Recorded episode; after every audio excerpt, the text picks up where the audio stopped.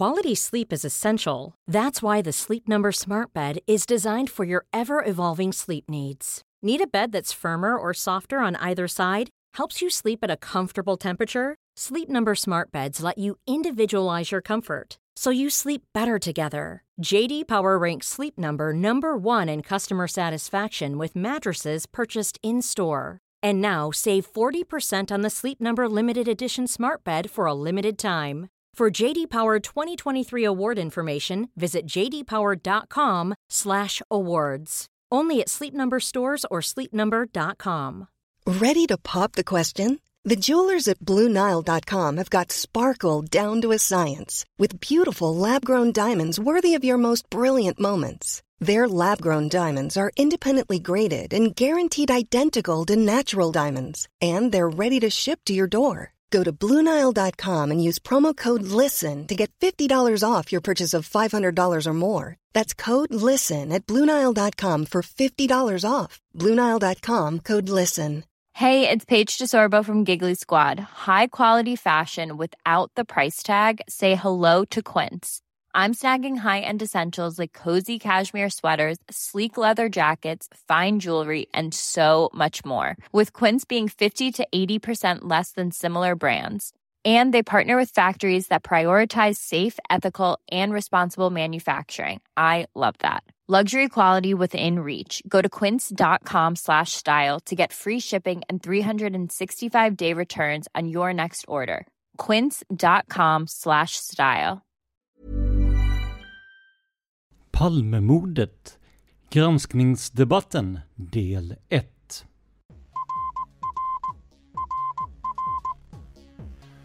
Sveriges statsminister Olof Palme är död. 90 000. Ja, det är mord på Sveavägen. Hörde de säger att det är Palme som är skjuten. Mordvapnet med säkerhet är en Smith Wesson, en revolver kaliber .357. Inte ett svar. Finns inte ett svar. För jag har inget. Polisen söker en man i 35 till 40-årsåldern med mörkt hår och lång mörk rock. Välkomna till podden Palmemordet som idag görs av mig, Tobias Henriksson på PRS Media. Vi har ett fullspäckat program idag, men innan vi kastar oss in i det så vill jag bara påminna om att ni väldigt gärna får sponsra oss för att se till att vi kan göra ännu fler och bättre avsnitt. Det lättaste är att gå in på patreon.com palmemordet och donera en summa som podden får per publicerat avsnitt. Det är alltså patreon.com palmemordet. Om du vill donera via Swish istället, ja då hittar du numret i avsnittsbeskrivningen. I fyra avsnitt har vi hört dels granskarna Andreas Karlsson och Per Wallander, dels författarna och journalisterna Gunnar Wall och Lars Borgnäs pratar om konspirationsteorier, Palmemordet och just granskning. Som en slutpunkt på det här ämnet bestämde vi oss för att bjuda in samtliga till en debatt som kunde sändas ut i podden.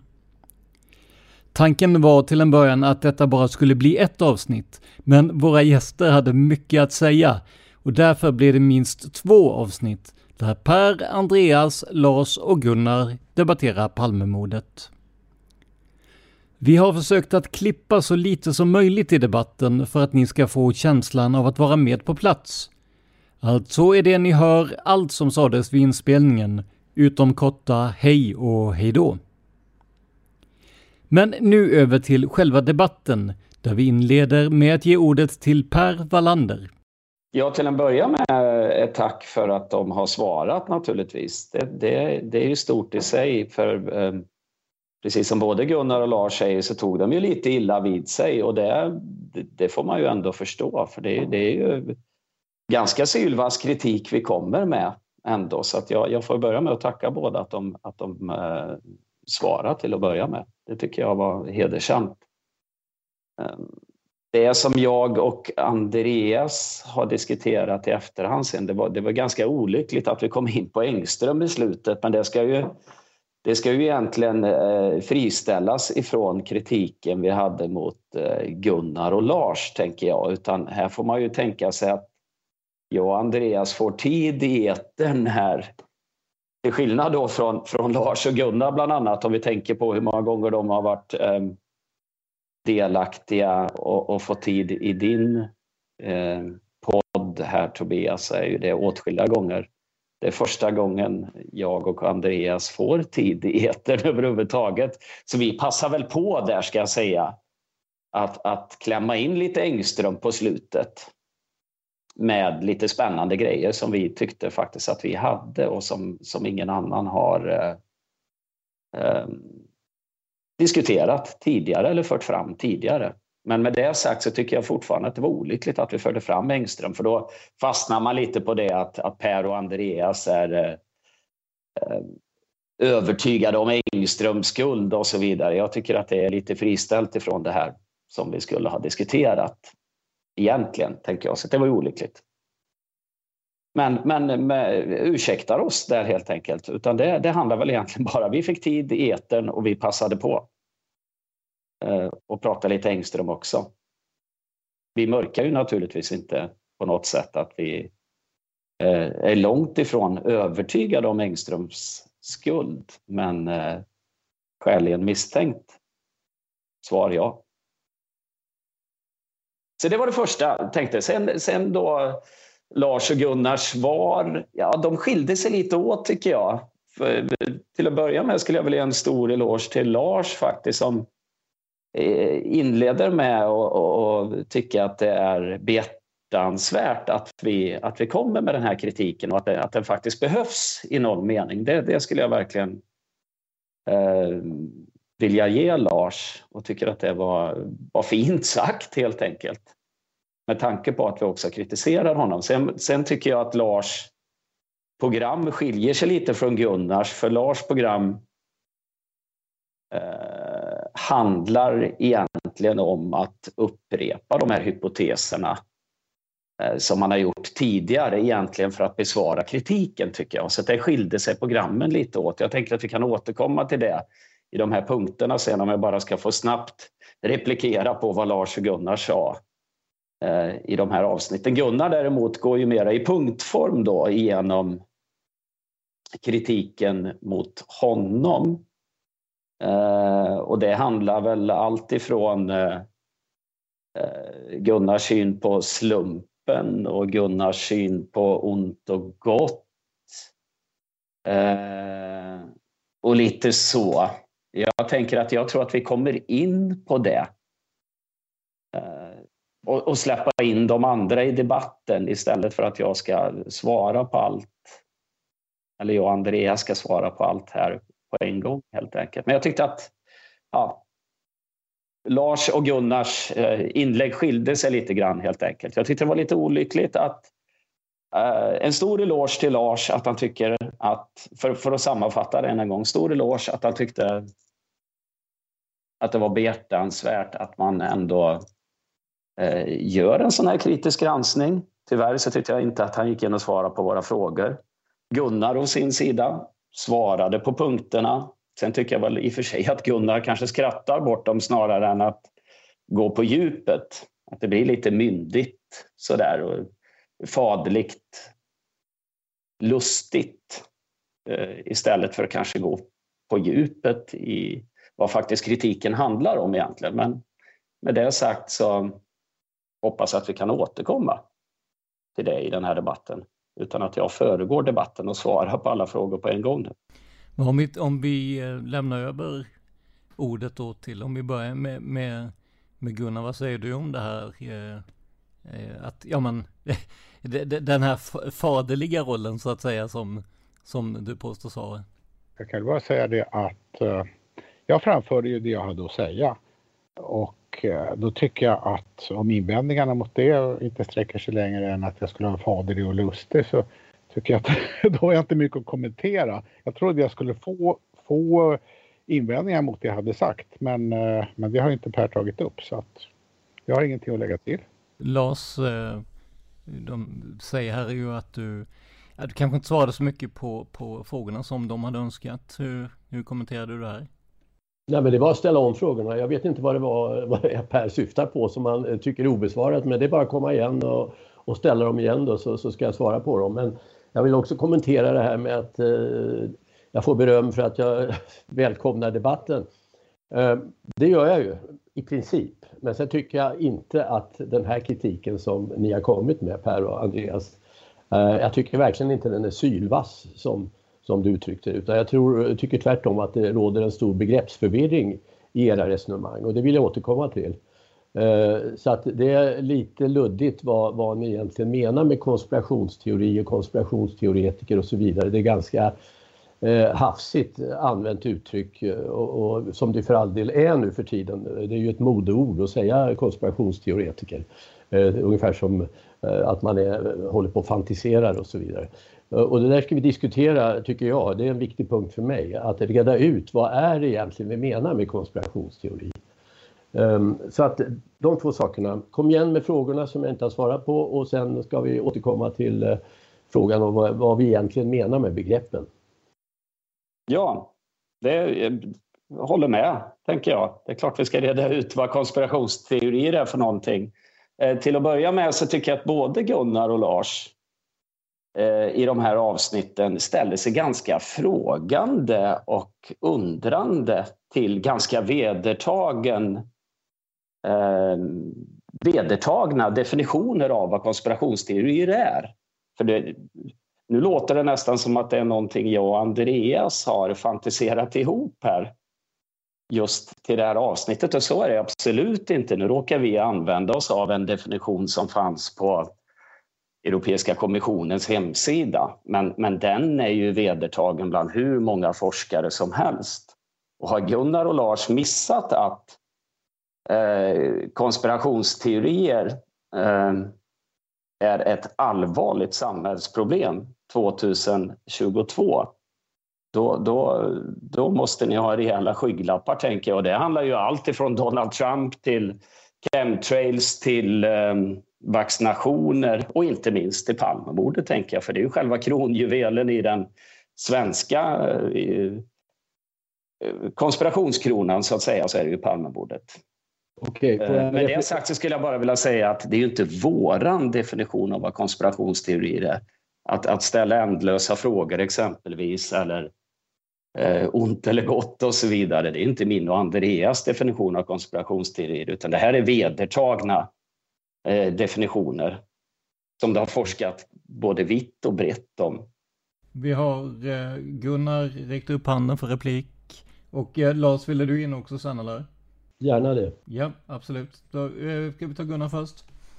Mm, nej, men jag känner inte igen mig riktigt här. Det jag gjorde var att jag tog upp att inte det jag har framfört stämmer överens med de definitioner av konspirationsteorier som ni använder av. Exempelvis att jag inte skulle tro på slumpen, att jag indelar världen i ont och gott och så vidare. Jag menar, det stämmer inte med det jag har framfört. Sen kan man ju Sen finns det ju diskussioner exakt om vad man menar med konspirations, konspirationsteorier. Och jag menar okej, okay, man kan ju använda ett ord och en definition och och behandla det. Men jag menar, det det handlar om är ju att det finns ju företeelser i samhället som är konspirationer och det finns annat som inte är konspirationer. Och det finns olika typer av attityder till sådana frågeställningar. Och det det handlar om här är att ni har försökt att få in Lars och mig i en definition som inte stämmer med det vi argumenterar för. Så att, alltså jag är inte intresserad av någon allmän akademisk diskussion om vad konspirationsteorier är enligt vad de eller de säger. Jag är intresserad av de anklagelser ni riktar mot mig och de stämmer inte menar jag. Eh, nu har Lars var på väg in med en replik, sen har Andreas eh, räckt upp händerna också. Men vi tar det i tur och ordning. Lars? Ja, jag tror du missförstod mig Per. Eh, alltså, jag tycker vi ska vara väldigt konkreta. Eh, ni tycks anse att om man tror att mordet på Olof Palme utfördes av flera personer så är man konspirationsteoretiker. Medan om man tror att mordet utfördes av en person så kan man befrias från det epitetet. Det vill säga att en konspirationsteori är att tro att ett mord, exempelvis ett brott, som i det här fallet mordet på Olof Palme, har utförts i samverkan och planerats i samverkan mellan flera personer. Eh, det är de sakerna som, som ni pekar på som jag har gjort, nämligen att visat att det kan vara så att det ligger en grupp bakom som ni kallar för konspirationsteori. Den andra sidan av det som ni också stämplar som konspirationsteori är den här tanken att myndigheter kan mörklägga sanningen. Eh, så fort man tror att myndigheter kan mörklägga sanningen och medvetet se till att sanningen inte kommer fram så är man konspirationsteoretiker. Och det är ju i, i, i, viss, eh, i viss utsträckning rätt att man tror då på en konspiration mot sanningen från myndigheternas sida. Men det är ju inte på något sätt uteslutet. Det har ju hänt många gånger förut. Eh, att eh, myndigheter, till exempel militära myndigheter eller för all del eh, vilka som helst politiker eller, eh, eller Säpo till exempel, eh, undanhåller sanningen och har gjort det och det har visats att det kan ha skett. Att man då ska stämplas som konspirationsteoretiker när man eh, visar på den möjligheten även i fallet mordet på Olof Palme. Det tycker jag är helt fel, men det är just det ni gör. Så att när ni kallar mig då, Gunnar, för konspirationsteoretiker så, så är det utifrån att vi behandlar vissa aspekter av Palmemordet på ett sätt som ni inte tycker om helt enkelt. Nämligen att vi gör det till lite större än en enda människas verk. Och det kan jag inte se att det bottnar i något annat än er övertygelse om att det är Stig Engström som har gjort det ensam. Eh, vi har Andreas hade begärt ordet och sen har vi Per efter det där. Hej, it's Danny Pellegrino from Everything Iconic. Ready to upgrade your style game without blowing your budget? Check out Quince. They've got all the good stuff, shirts and polos, activewear and fine leather goods all at 50 to 80% less than other high-end brands. And the best part? They're all about safe, ethical, and responsible manufacturing. Get that luxury vibe without the luxury price tag. Hit up quince.com slash upgrade for free shipping and 365-day returns on your next order. That's quince.com slash upgrade. How would you like to look five years younger? In a clinical study, people that had volume added with Juvederm Voluma XC in the cheeks perceived themselves as looking five years younger at six months after treatment. Look younger, feel like you. Add volume for lift and contour in the cheeks with Juvederm Voluma XC. Reverse signs of aging by adding volume to smooth laugh lines with Juvederm Volure XC. For important safety information and to find a licensed specialist, visit juvederm.com. That's J U V E D E R M.com. Not for people with severe allergic reactions, allergies to lidocaine, or the proteins used in Juvederm. Common side effects include injection site redness, swelling, pain, tenderness, firmness, lumps, bumps, bruising, discoloration, or itching. There's a risk of unintentional injection into a blood vessel, which can cause vision abnormalities, blindness, stroke, temporary scabs, or scarring. Talk to a licensed specialist to find out if it's right for you. Flexibility is great. That's why there's yoga. Flexibility for your insurance coverage is great too. That's why there's United Healthcare Insurance Plans. Underwritten by Golden Rule Insurance Company, United Healthcare Insurance Plans offer flexible, budget friendly coverage for medical, vision, dental, and more. One of these plans may be right for you if you're, say, between jobs, coming off your parents' plan, turning a side hustle into a full hustle, or even missed open enrollment. Want more flexibility? Find out more about United Healthcare Insurance Plans at uh1.com. Mm. Men om, om man tittar på, på den här definitionen då som eh, inte på något sätt är hemlig eller egenpåhittad utan högst offentlig så finns det ju en checklista kan man säga med sex karaktärsdrag hos konspirationsteorier. Och, och tittar man på, på dem så blir det ju trots allt väldigt slående att ni tickar in på rätt många av de här. Nummer ett då, en påstådd hemlig komplott. Ja, Gunnar, mörkläggningsordet är ju med i ganska hög andel av dina böcker. Ehm, så den kan vi väl vara överens om att det finns. Sen kan vi diskutera huruvida det är sant eller inte, men om vi bara tittar på vad, vad, vad finns det för kriterier för att det ska vara inom ramen för en konspirationsteori då? En grupp konspiratörer är punkt nummer två. Ja, båda ni diskuterar ju att det är en grupp, eh, ibland i Säpo-termer, ibland i polisen, ibland i statsapparaten. Det finns lite olika eh, beklädnader för den här gruppen. Men en grupp onekligen finns ju med i eh, ja, vågar väl nästan påstå allt ni har diskuterat genom åren. Nummer tre då, bevis som stöder konspirationsteorin. Och där är det ju så att, som du säger Lars, att du lyfter fram att det finns en möjlighet. Men det jag saknar är ju de här bevisen. Och, och då säger ni så här kanske att ja, det finns inte så mycket bevis i, i, i Palmemordet. Och, och det stämmer ju förvisso. Men då tänker jag att om man är oberoende eller om man är granskare av utredningen och tycker att bevisläget är ganska magert, då kanske man ska lyfta upp ungefär lika mycket i olika riktningar. Här lyfts det ju enkom upp eh, bevis för eh, att det ska vara en grupp och att det ska vara en, en mörkläggning och så vidare. Där kan vi ta massvis med konkreta exempel från båda era eh, mediala eller litterära utspel genom åren om ni vill. Så att den tycker jag definitivt att vi, vi kan checka in på. Nummer fyra då, då står det att de hävdar helt felaktigt att inget händer av en slump och att sammanträffanden inte existerar. Och där är ju också klockrent tycker jag. Vi kan ta Lars senaste bok här, Det är en vänsterhänt mördare. Eller, eller förlåt, det är en mördare som skjuter först på Lisbet. Ja, kanske, kanske inte, men okej, vi säger att eh, det finns belägg för det. Varför kan man inte då resonera att det är en total vettvilling som bara skjuter hejvilt och, och inte ens prickar första, det primära offret? Nej, då hittar du på en, en, en idé om att så gör man när man är utbildad i närstrid. Då håller man fast eh, huvudoffret och skjuter på ett mer avlägset offer som både är fysiskt svagare och mindre eh, närbeläget och eh, mindre viktigt. Och sen så ska man då låta den här som man håller fast med en hand då, som förmodligen är kanske eventuellt i paritet styrkemässigt med, med förövaren, den ska man då låta vara kvar i en eller två eller tre sekunder i det läget och tro att den fryser till is. Ungefär som när man kastar in en, en granat när det är någon, någon eh, razzia i, i någon eh, ja, polisaktion i ett hus. Va? Så att där är det ju också, eller som Gunnar som du tar upp det här med att att eh, Ebbe Carlssons eh, insmuggling av, av avlyssningsapparatur skulle vara en slump. Det är ju tvärt emot. Det är ju så eh, den myndigheten och den institutionen ska fungera. Det är ju snarare tvärtom. När den inte fångar upp insmugglad utrustning, det är då det är en slump. Nummer fem, världen uppdelad i goda och onda. Ja,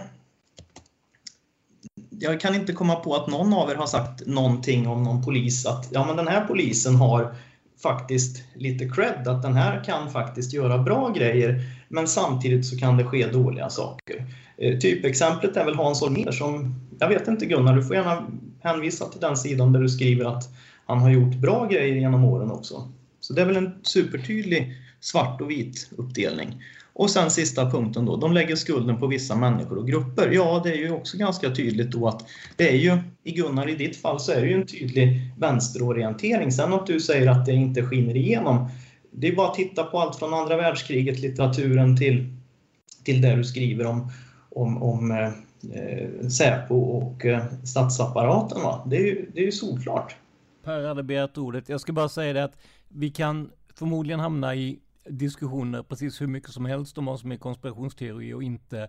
Och även om vi enas om en definition av det så är det ju inte säkert att våra gäster tycker att de ägnar sig åt konspirationsteorier. Så jag, jag tänker att vi, vi, är med på definitionen av konspirationsteori. Eh, där vi står nu är ju uppenbarligen att vi inte är överens om, om huruvida det är konspirativt eller inte. Men eh, i alla fall, vi har, ja, vi har Per som vill komma in här och sen ska givetvis eh, Lars och Gunnar få eh, replik på det Andreas har sagt också. Nej, men jag, jag, jag bejakar vad Gunnar sa det i början. Han vill ju att, att, att vi inte ska vara svepande vår kritik utan att jag ska svara på de här punkterna du tog upp i senaste avsnittet. Så låt oss glömma det här med definitionen av konspirationsteorier och börja med det här med slump som faktiskt Andreas var inne på här. Eh, då Gunnar ska hänvisa till att han tror på slumpen och bejakar slumpen, då handlar det alltså om att tullen gör ett beslag. Och det tycker jag är lite lustigt, för det är ju faktiskt eh, det svenska tullväsendets väsendets, eh, eh arbetsuppgift helt enkelt, att göra beslag. De står ju där 24-7 vid våra gränser och ska göra beslag. Sen kan det naturligtvis vara en slump att man råkar åka fast. Va? Men det, det är ju ett klockrent exempel på då den svenska rättsstatens klor slår tillbaka, tänker jag, när man faktiskt eh, hittar den här avlyssningsutrustningen i en bil. Så det är ju ingen slump. En slump för mig, det är, det är någonting annat, tänker jag, än just det. Och då måste jag ändå eh, gå tillbaka lite, för jag tänker här eh, för mig, för, för mig, för att förstå Gunnar Wall, eh, det har varit lurigt att förstå Gunnar Wall, tycker jag, för mig. Jag tycker att det är lättare att förstå Lars Borgnäs ingångsvinkel eh, i Palmemordet. Men för mig, att, att förstå Gunnar Wall, då, då har jag faktiskt behövt gå tillbaka lite mer till, till det ideologiska faktiskt för att förstå Gunnar Wall. Och då är det så att jag hittar ju en Eh, när, när, när du precis har börjat intressera dig för Palmemordet, Gunnar, och då, då tänker jag att det här är väl i slutet av 80-talet, kanske 1990, då det är en artikel ur den fjärde internationalen då 1990, då du faktiskt skriver att du anser att det kapitalistiska Sverige är högst odemokratiskt. Och den ingångsvinkeln har du när du sen tar dig an Palmemordet.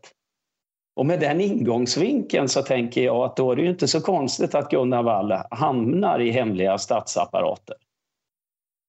Så att eh, en direkt fråga till dig Gunnar, dels gäller det slumpen då. Där jag anser att där fungerar ju faktiskt den svenska rättsstaten. Att den här avlyssningsutrustningen eh, hittas i den här bilen i tullen nere i Skåne. Eh, och den andra frågan är, eh, anser du fortfarande än idag att, eh, att Sverige inte är ett demokratiskt samhälle helt enkelt? På grund av att det är kapitalistiskt som du faktiskt skriver och att detta i sin tur då har att göra med Palmemordet. Om vi ska börja med det här med slumpen så Alltså det var ju så här att det finns åtskilliga spekulationer om att Ebbe Carlssons livvakt togs i tullen på grund av en tipsning från det ena eller andra hållet. Och det har spekulerats mycket om det, att det skulle ha legat någon hemlig konspiration bakom att livvakten åkte fast. Och då har jag sagt i det här specifika fallet efter att ha undersökt omständigheterna omkring det så har jag kommit fram till att nej, jag tror inte det var så. Jag tror att det var så att, att han råkade åka fast. Och jag tror att vi kanske kunde enas om att smuggling är något som är ganska vanligt. Att smuggling är vanligt det är det eftersom folk ofta inte åker fast. Även om vi har en tull som har som uppgift att försöka få fast folk. I det här fallet var det så att tullen hade inte större resurser än att de kunde stoppa en bil som åkte av färjan ifrån Danmark. Och det råkade bli Ebbes livvakt blev stoppad. Och det var inte så att han som stoppade bilen räknade med att nu har jag gjort ett jättetillslag utan han tog en chans. Jag tänkte, tänkte den här snubben skulle kunna ha någonting och så ställer han några frågor och så får han svar som låter väldigt underliga och då ber han att Ebbes livvakt ska åka in och öppna bilen och så vidare. Då ser han den här utrustningen och det menar jag, det var faktiskt en slump att det hände. Det var inte så att man kunde räknat ut att det var självklart att livvakten skulle åkt fast när han smugglade in utrustningen. Det var ju till och med så att en annan av Ebbes medarbetare hade smugglat in utrustning i april och inte åkt fast. Så att alltså Alltså det är ju, och de skulle naturligtvis inte ägnat sig åt denna smuggling om de trott att eftersom vi har en tull så måste jag åka fast. Det funkar ju inte så. Va? Det jag ville illustrera var bara det att en fråga som har varit central i den här diskussionen om Ebbe Carlsson-affären där har jag envist och mot andras uppfattning hävdat att nej, nej, det var faktiskt en slump att han åkte fast. Och det menar jag fortfarande att, att att man kan ju inte leva i föreställningen att eftersom vi har en tull så åker folk alltid fast. Det gör de ju oftast inte. Va? det är allvarligt i och för sig, men så är det ju. Va? Sen, eh, jag tog också upp, tror jag, exemplet med Anna Lindmordet som är ett annat exempel på där jag menar att det var en slump att, att Mihailovic råkade stöta på henne. Det var inte någon konspiration. Det var inte någonting som var uträknat. Det var en olycklig omständighet och sådana saker händer. Det händer en massa saker hela tiden som är ren slump. Jag tycker inte det är något konstigt. Va? Och den anledningen tycker jag att det var fånigt att försöka hävda att jag inte skulle kunna tänka mig att slump spelar in i händelseförlopp. Det spelar väldigt ofta in i händelseförlopp. Det är jag fullkomligt övertygad om. Ja, sen ja, jag menar att det faktumet att, att någonting som vi inte har röstat fram utan som är en faktisk omständighet som är bestämd i förväg så att säga att de, att de stora företagen i Sverige ägs av några få, få individer som har kontrollen över dem. Och att inte det går att besluta i demokratisk ordning vad som ska hända med dem är ett utslag av att Sverige inte är så demokratiskt som jag skulle vilja att det var. Och att det faktiskt är en illusion att tro att vi, att vi kan bestämma precis som vi vill oberoende av de här faktiska omständigheterna. Det innebär inte att Sverige är alldeles odemokratiskt och inte det hävdar. Det finns ju centrala viktiga demokratiska inslag i det svenska samhället och de stödjer helt och fullt. Men jag menar, men om man inte kan ha en diskussion om de odemokratiska, centrala odemokratiska inslag som finns i ett samhälle, då blir det väldigt underligt tycker jag. Jag ska inte utveckla det mer här för det här ligger utanför ämnet egentligen tycker jag, men jag vill ha det sagt i alla fall. Eh, Lars, eh, jag ser att, eh, nu ska vi se, Per räcker upp handen där. Jag bara tänkte det Lars, eh, det var ju lite som berörde dig här i Andreas eh, eh och Pers Eh, ja, diskussion här. Är det någonting du känner att du vill svara på där eller ska vi? Eh, Absolut. Eftersom eh, for, fortfarande har inte Per och Andreas förstått vad, jag, vad min kritik mot dem går ut på, nämligen att det är ju så här att konspirationsteori och konspirationsteoretiker det är ju nu epitet som klistras på människor i syfte att få dem att framstå som mindre seriösa. Inte minst journalister. Eh, och det är väldigt farligt tycker jag inom journalistiken när det börjar sprida sig att man kallar varandra för eh, konspirationsteoretiker så gör det att många journalister, många medier blir rädda för att närma sig frågeställningar där man kommer in på att det kan vara flera stycken inblandade, till exempel i Palmemordet. Jag är övertygad om att den här spridningen av begreppet konspirationsteori och teoretiker har fått många att avstå från att till exempel eh, granska eh, saker som tyder på att det är flera, nämligen att till exempel myndigheterna eller eh, någon myndighet eh, ligger bakom mordet, att polisen låg, folk inom polisen låg bakom mordet och så vidare. Det har alltså blivit ett, ett ord som är kontraproduktivt när det gäller journalistik, för det förhindrar en eh, seriös och eh, nyfiken, orädd journalistik. Man skräms bort av det här epitetet eh, konspirationsteoretiker. Det kan så vara att inslag som jag har gjort, kanske också Gunnar, uppfyller flera av de här kriterierna på vad som är en konspirationsteori. Men poängen är ju att det jag gör och även Gunnar, det är att vi pekar på möjligheter inom utredningen som inte har prövats. Och som borde prövas, som måste prövas för att utredningen ska kunna ses som komplett och förutsättningslös. Vi har pekat på sådana möjligheter som är svåra att utreda. Som kanske handlar om att man måste gå in på eh, myndigheters verksamhet. Ta till exempel Säpo. Eh, där det naturligtvis uppfattas som konspirationsteoretiskt med den definition som Andreas ger. Att antyda att Säpo skulle kunna ha ett finger med i spelet. Och det måste betyda att Per och Andreas anser att Arne Revell var en utomordentligt stor konspirationsteoretiker. En av Sveriges främsta polis, eh, mordutredare. Eh, legendarisk i Stockholm. Chef för Stockholms mordkommission. Jag citerar honom i min bok eh, Olof Palmes sista steg. Där han skriver sina minnesanteckningar som han inte gick ut med medan han levde. Därför att, och det är ganska typiskt för en polis i aktiv tjänst vågar inte gå ut med tankar och funderingar kring att Säpo är inblandat i mordet. Det, det, går inte för sig naturligtvis. Men han, det var vad han trodde och vad han skrev och som han gav till mig sen. Och där han skriver sånt som ni naturligtvis skulle stämpla som klockrena konspirationsteorier. Han skriver ingår kurd, kurdterroristerna i en långsiktig planering. Man skulle ha en lämplig grupp människor att skicka fram i blickfånget vid lämpligt tillfälle. Blev Holmer lockad i en förslagen fälla och tog en chans i den situationen? Eller blev han på det klara med det verkliga förhållandet när det gäller mordet och spelade med övertygad om att ett klarläggande skulle medföra oöverskådliga konsekvenser för landet? Sånt funderade Arne Rivell på. Och det, naturligtvis med, med, med, den definition ni har så är han ju en, en konspirationsteoretiker och kanske då inte ska tas på allvar. Men detta är alltså Sveriges främsta mordutredare som tänker i de banorna. Och det vi har gjort, det jag har gjort och också Gunnar tror jag, det är att peka på sådant som utredarna har försummat och som kan vara väldigt svårt för dem att utreda. Som eh, kanske till och med är otänkbart för dem med deras världsuppfattning men som ändå är oerhört viktigt att, att eh, gå till botten med.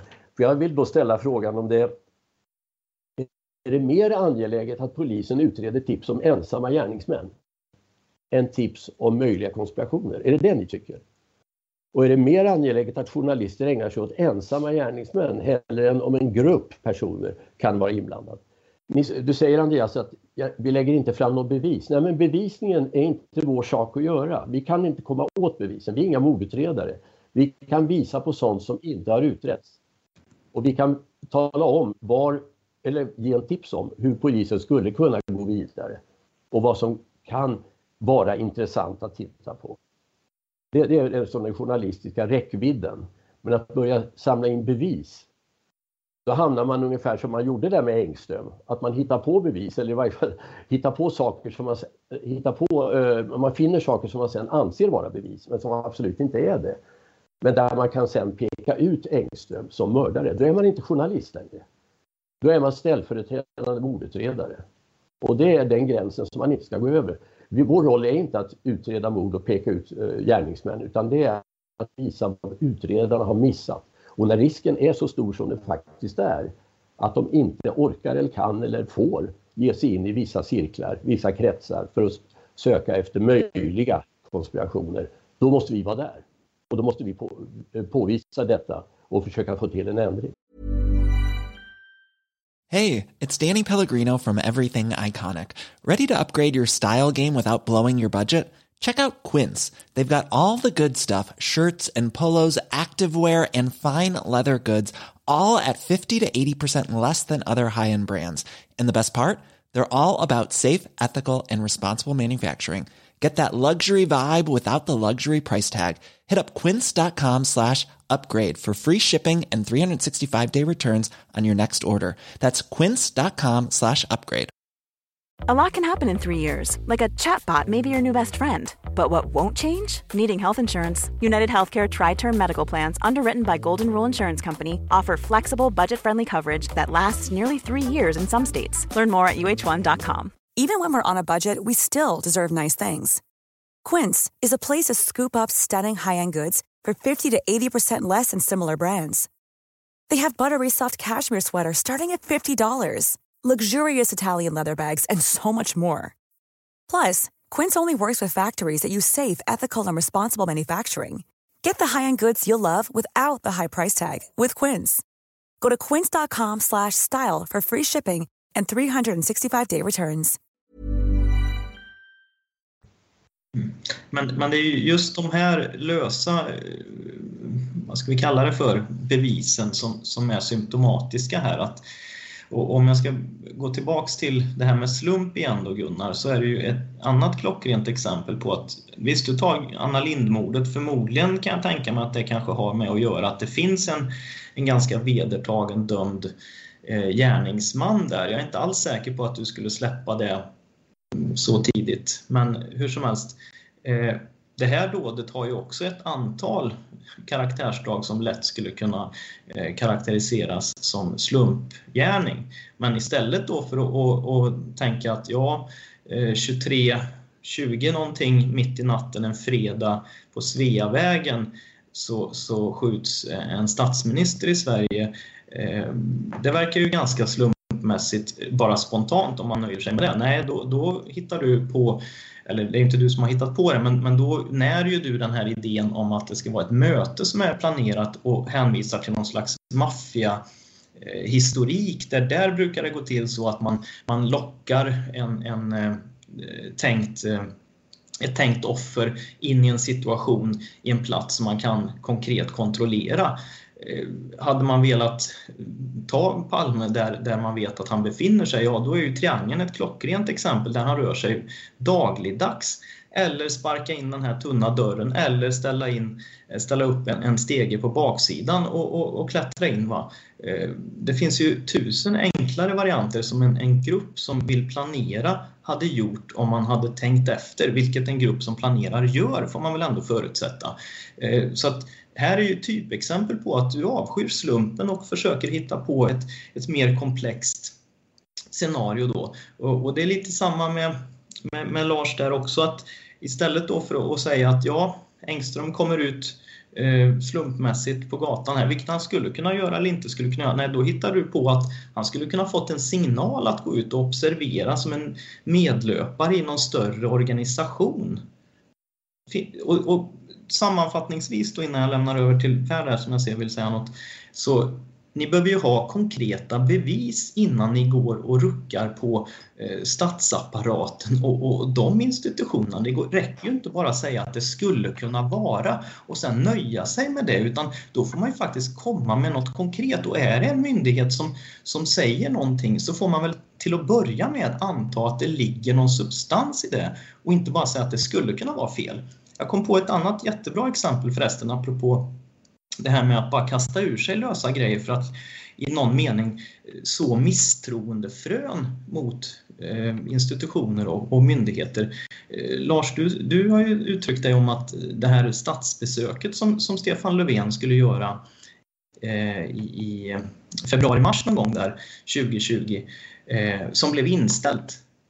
Det finns ju till och med redovisat på regeringens hemsida eh, då, då, istället för att lita på den förklaringen till det inställda statsbesöket, då kommer det in i någon slags koppling till att Christer Petersson har tänkt att presentera Sydafrika och därför ska Stefan Löfven åka ner, men det blev för känsligt. Ja, då ställde man in det hela. Och det här med Corona och de grejerna, det, nej, det kanske bara var svepskäl. Kanske är så, men då behöver man presentera något konkret belägg för det och inte bara kasta ur sig en sån här, ett frö som man inte vet var det landar i dagens sociala medielandskap där konspirationer frodas verkligen. Per hade begärt ordet. Ja, alltså jag börjar... Nu var det många... Det är svårt att, svårt att hålla den röda tråden här, men jag börjar med Gunnar där som avslutar sitt anförande med att säga att det här har inte ligger utanför ämnet egentligen. När jag, när jag frågar dig beträffande om eh, Sverige verkligen är en demokrati, vilket du uttryckligen skriver att det inte är. Och jag tänker så här att hela den här artikeln ur den fjärde internationalen handlar ju om Palmemordet. Det är ju du som peggar upp bollen där Gunnar och säger att det här har att göra med Palmemordet och ändå så Eh, säger du nu då att, eh, att, att det här ligger utanför Palmemordet. Det förstår jag inte alls. Och jag tänker att, att för att förstå dig Gunnar eh, och jag, jag, jag, kan tycka att, faktiskt att du har en poäng i, i, i saker och ting du skriver här. Det, det, ska jag säga. Men för att förstå det Gunnar, oavsett om du skriver om Palmemordet eller om du skriver om Winston Churchill eller om du skriver om 9-11 Eh, så ligger ju det här som ett raster framför, tänker jag. Att du misstror den kapitalistiska demokratiska staten. Den ingångsporten har du i ditt gräv och i dina analyser. Man skulle kunna vända på det. Är det mörkläggning du vill? Är, du, är du ute efter mörkläggning på allvar? Ja, då ska du nog kolla österut, tänker jag, istället för att kolla västerut. Eh, ja, det, jag, jag, skulle faktiskt vilja ha att du utvecklar det ytterligare, Gunnar. Men sen tänker jag på vad Lars sa. Uh, håller med dig, Lars, också faktiskt, att, att journalister ska ju naturligtvis inte avskräckas. Um, och inte våga skriva om saker och ting. Det kan ju, lyssnarna kan ju få för sig här att jag och Andreas inte vill, inte tror på journalistik eller att vi inte tror på att det kan eh, utföras kriminella handlingar med mer än en gärningsman och det är ju liksom totalt uppåt väggarna naturligtvis. Det journalister däremot ska beakta att vara, och vara experter på, det är ju källkritik naturligtvis.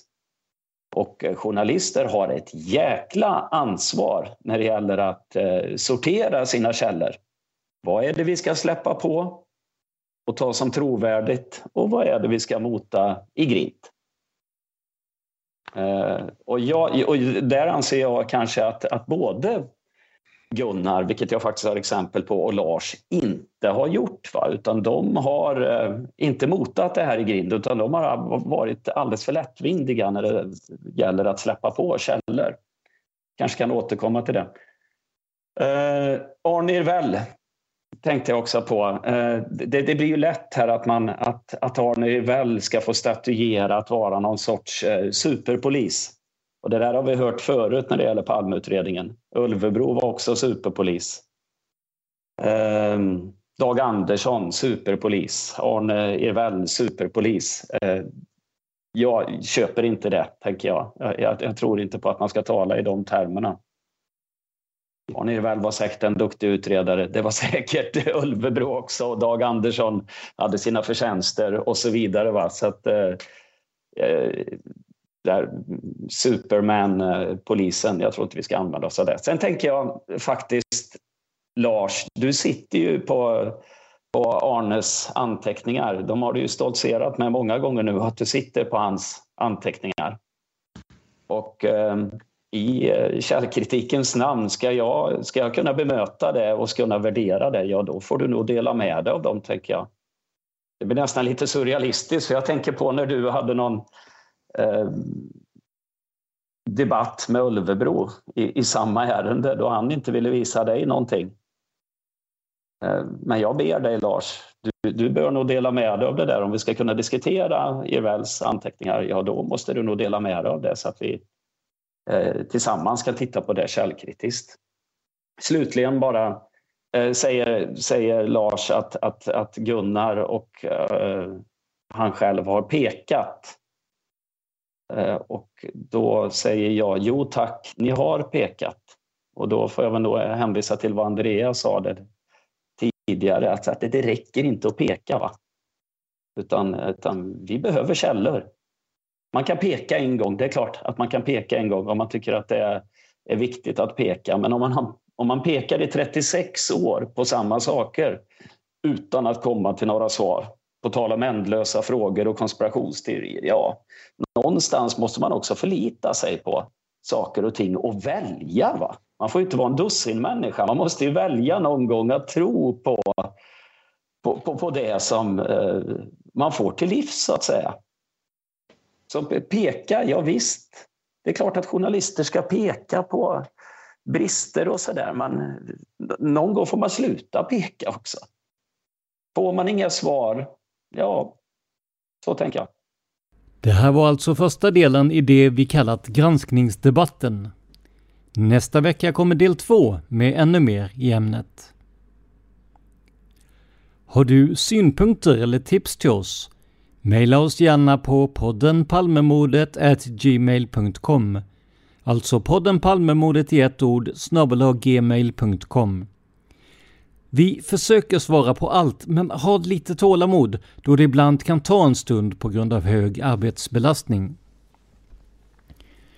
Glöm inte heller att du kan stötta podden ekonomiskt om du vill och har möjlighet. Du hittar alla sätten att göra detta på i avsnittsbeskrivningen. Det här var veckans avsnitt av podden Palmemordet som idag gjordes av mig, Tobias Henriksson på PRS Media. För mer information om mig och mina projekt besök facebook.com prsmedia.se eller gilla oss på Instagram där vi heter PRS Media, Ett ord, små bokstäver. Stort tack till Andreas Karlsson, Per Wallander, Gunnar Wall och Lars Borgnäs för er medverkan i den här debatten. Men framför allt Stort tack för att du lyssnar på podden Palmemordet. Man hittar Palmes mördare om man följer PKK-spåret till botten. Därför att ända sedan Julius Caesars tid har det aldrig hört talas om ett mord på en framstående politiker som inte haft politiska skäl. Polisens och åklagarens teori var att han ensam hade skjutit Olof Palme. Och det ledde också till rättegång. Men han frikändes i hovrätten.